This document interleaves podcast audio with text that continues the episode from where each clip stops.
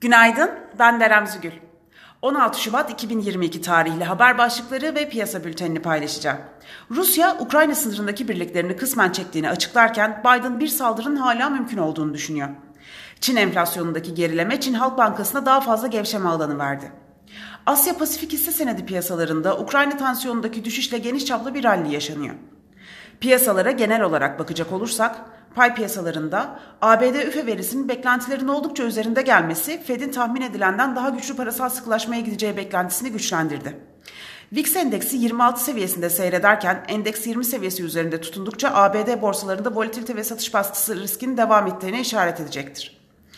Borsa İstanbul kapanışına göre ABD ve Almanya vadeli endeksleri sınırlı pozitif seyrederken Asya borsalarında genel olarak yükseliş eğilimi hakim. Teknik analiz verilerine bakacak olursak kısa vadede 1949-1955 aralığına gerileme alım fırsatı, 2085 ve üzerine yükseliş ise trade amaçlı satış fırsatı olarak takip edilebilir. Viyop tarafında ise gün içi long pozisyonlar için 2255, short pozisyonlar için 2308 seviyeleri zarar kes seviyesi olarak izlenebilir. Borsa İstanbul'un ve endeks kontratının güne pozitif eğilimle başlamasını bekliyoruz. Kazançlı günler dileriz.